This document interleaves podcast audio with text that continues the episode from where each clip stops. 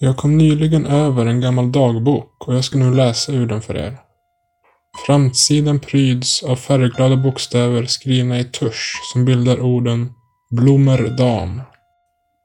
På första sidan står det Grattis på födelsedagen Peter, önskar farmor och farfar 1988. Men boken började inte användas förrän 1990, då den första anteckningen var skriven. Den löd så här. Maj 1990. Kära dagbok. Vi träffade på en gammal tant förra veckan som berättade något för oss som vi först inte trodde på. Nämligen att det går att prata med andar med hjälp av en vanlig kortlek. Det lät ju spännande och så, men vi trodde ju inte på det till en början. Men vi blev lite nyfikna så igår testade vi att spela spelet som hon gett oss instruktionerna till. Regel nummer ett och att man bara kan spela spelet i ljuset av en fullmåne. Och igår var det fullmåne, så vi smög ut på kvällen och la ut korthögen på gräset och blandade den. Regel nummer två var att andarna visste ifall vi hade fuskat med blandningen och skulle då inte svara. Sedan följde en rad regler för hur man skulle dra korten och vad man skulle göra beroende på vad man fick. Regel nummer tre. Börja med att dra fem kort och lägg dem uppåtvända från vänster till höger. Regel nummer fyra. Dra från högen ett kort åt gången och lägg det uppåtvänt längst till vänster. Samtidigt som du tar bort kortet längst till höger och lägger det åt sidan upp och ner. Mycket viktigt att det läggs bort upp och ner.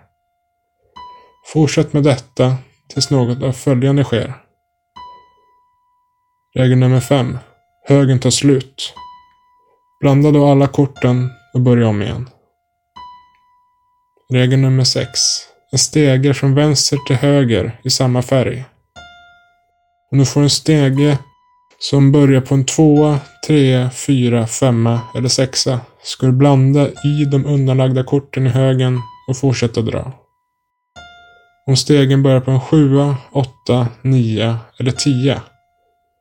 Blanda alla korten och blunda i en minut. Nu har du 50% chans att översta kortet är ditlagt av andarna. Ett kort med färgen blommor. Är det en knäckt dam eller kung försöker andarna ta kontakt med dig. Annars är de inte på prathumör.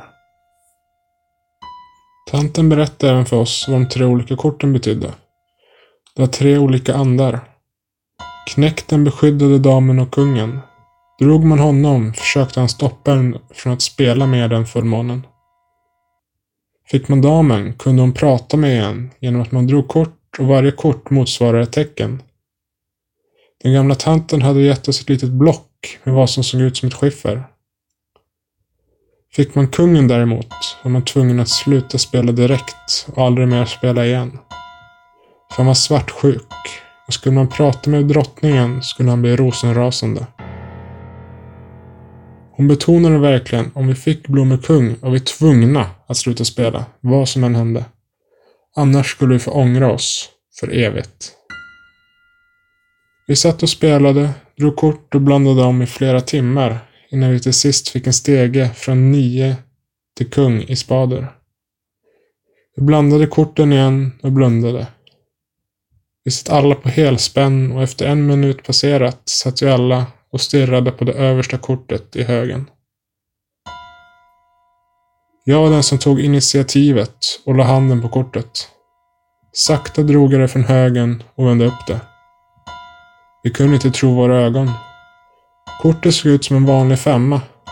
Förutom att det var en blomma i hörnen. Jag hade dragit blommor fem.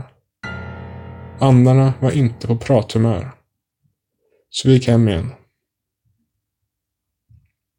Det här var det första utdraget ur dagboken. En månad senare skrevs en ny anteckning. Juni 1990. Kära dagbok. Vi var ute igår igen och spelade kortspelet. Redan på första försöket lyckades vi få en stege från nio till kung. Vi blundade en minut och sedan drog vi det översta kortet. Det var bara ett vanligt kort, ruter 7. Vi fortsatte spela och till sist fick vi en stege igen. Och den här gången fick vi blommor knäckt. Vi kollade på varandra med spänd blick. Vad skulle hända? Vi satt där i fem minuter utan att något hände. Sen tröttnade vi på att vänta och jag tog upp högen igen för att blanda om den. Då upptäckte jag att högen var lägre än förut. Och när jag plockade upp den såg jag att den nu hade sjunkit ner ungefär två centimeter i jorden. Jag la min hand i hålet och det kändes varmt. Plötsligt rasade hålet igen och det kändes som att mina fingertoppar hölls fast av en osynlig kraft under jorden. När de andra började gräva så släpptes mina fingrar igen. De trodde att jag bara skojade med dem. Men de kunde inte förklara hur kortleken hade sjunkit ner i jorden. Jag var tveksam till att fortsätta spela, men de andra ville, så vi fortsatte. Efter en stund började det blåsa upp, så pass att korten började flyga iväg. Vanligtvis brukar det vara fullt med stenar där vi var. Men nu när vi letade efter en sten att tynga ner korten med, hittade vi inte en enda. Mysko. Efter en stund gav vi upp och gick in igen. Nästa fullmåne ska vi försöka igen. Och nästa fullmåne hade de otur med vädret. För då löd det så här. Juli 1990. Kära dagbok.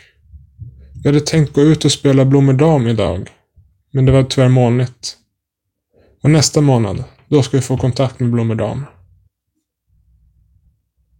Det verkar som att de har döpt kortspelet till Blommerdam. Det förklarar titeln på boken. Augusti 1990. Igår hände det. Vi lyckades få kontakt med Blomedam.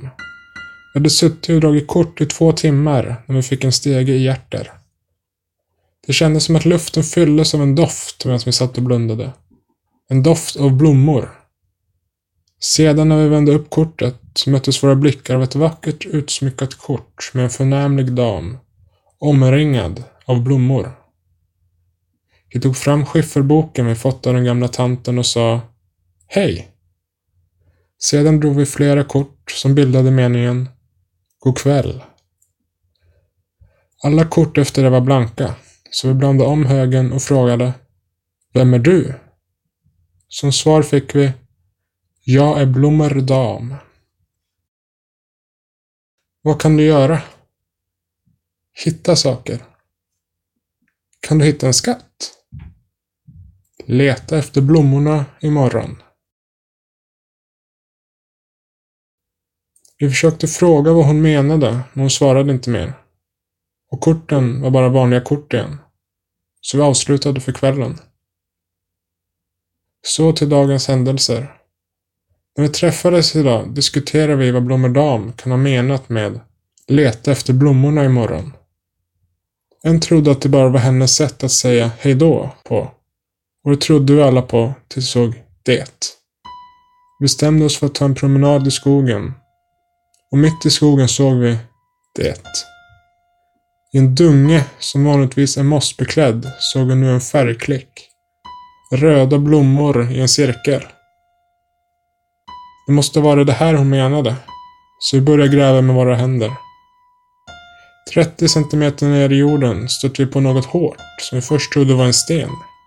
Men som visade sig vara en väska. Vi öppnade den och där i låg det guld och silvermynt. Vi hade hittat en skatt. Vi letade efter fler blomfläckar i skogen, men vi kammade noll. Vi diskuterade vad vi skulle göra med mynten när en av oss kom på att det för tio år sedan skett ett rån inne i stan. Där en väska med guld och silvermynt stulits. Så vi har bestämt oss för att vi ska lämna tillbaka väskan till polisen imorgon. September 1990. När vi lämnat in väskan till polisen fick vi våra misstankar bekräftade att det var från rånet i stan. Ägaren gav oss en hittelön som vi har spenderat den senaste månaden.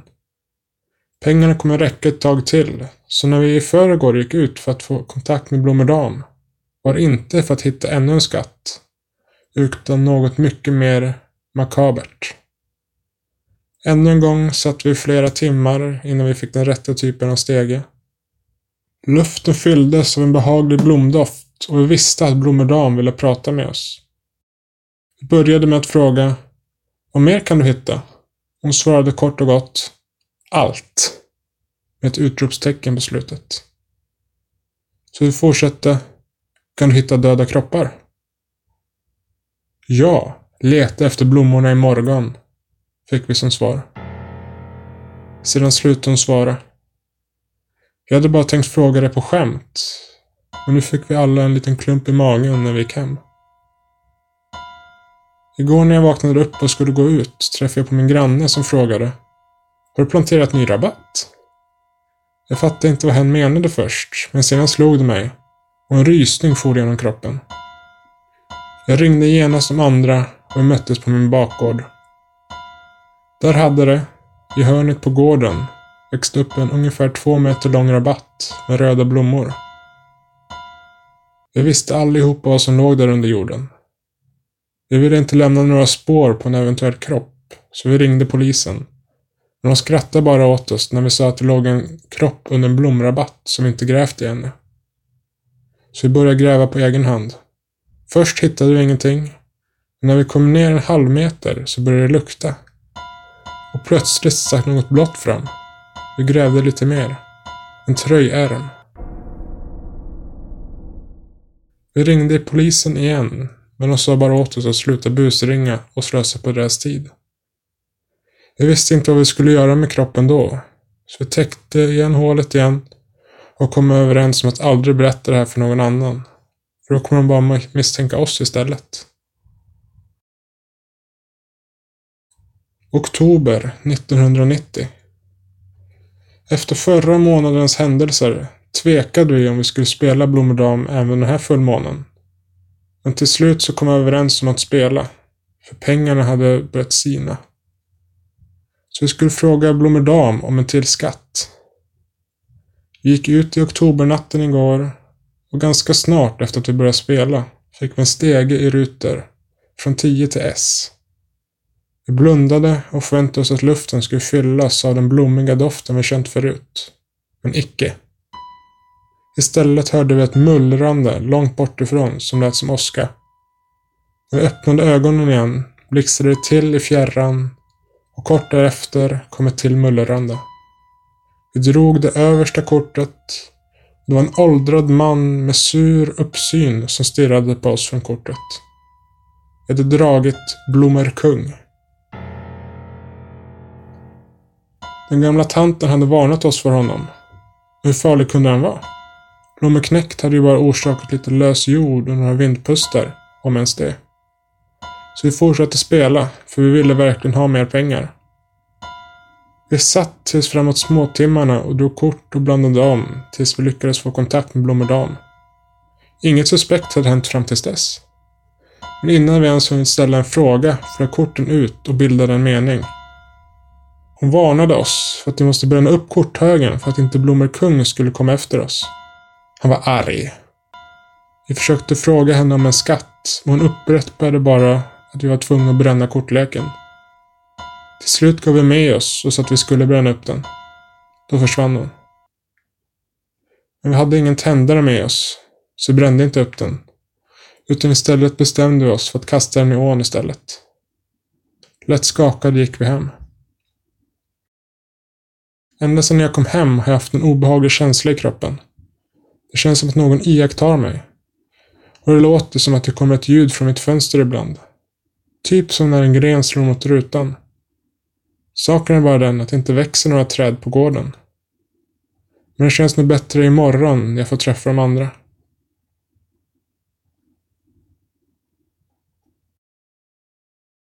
Det här var den sista anteckningen i boken. Men vad hände sen? Jag letade upp en gammal tidningsartikel om ett gäng kompisar som hade hittat ett rånbyte i skogen från 1990. Kan det vara dem?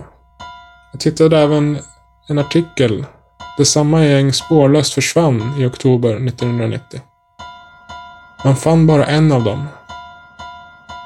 Nedgrävd i en blomrabatt med röda blommor.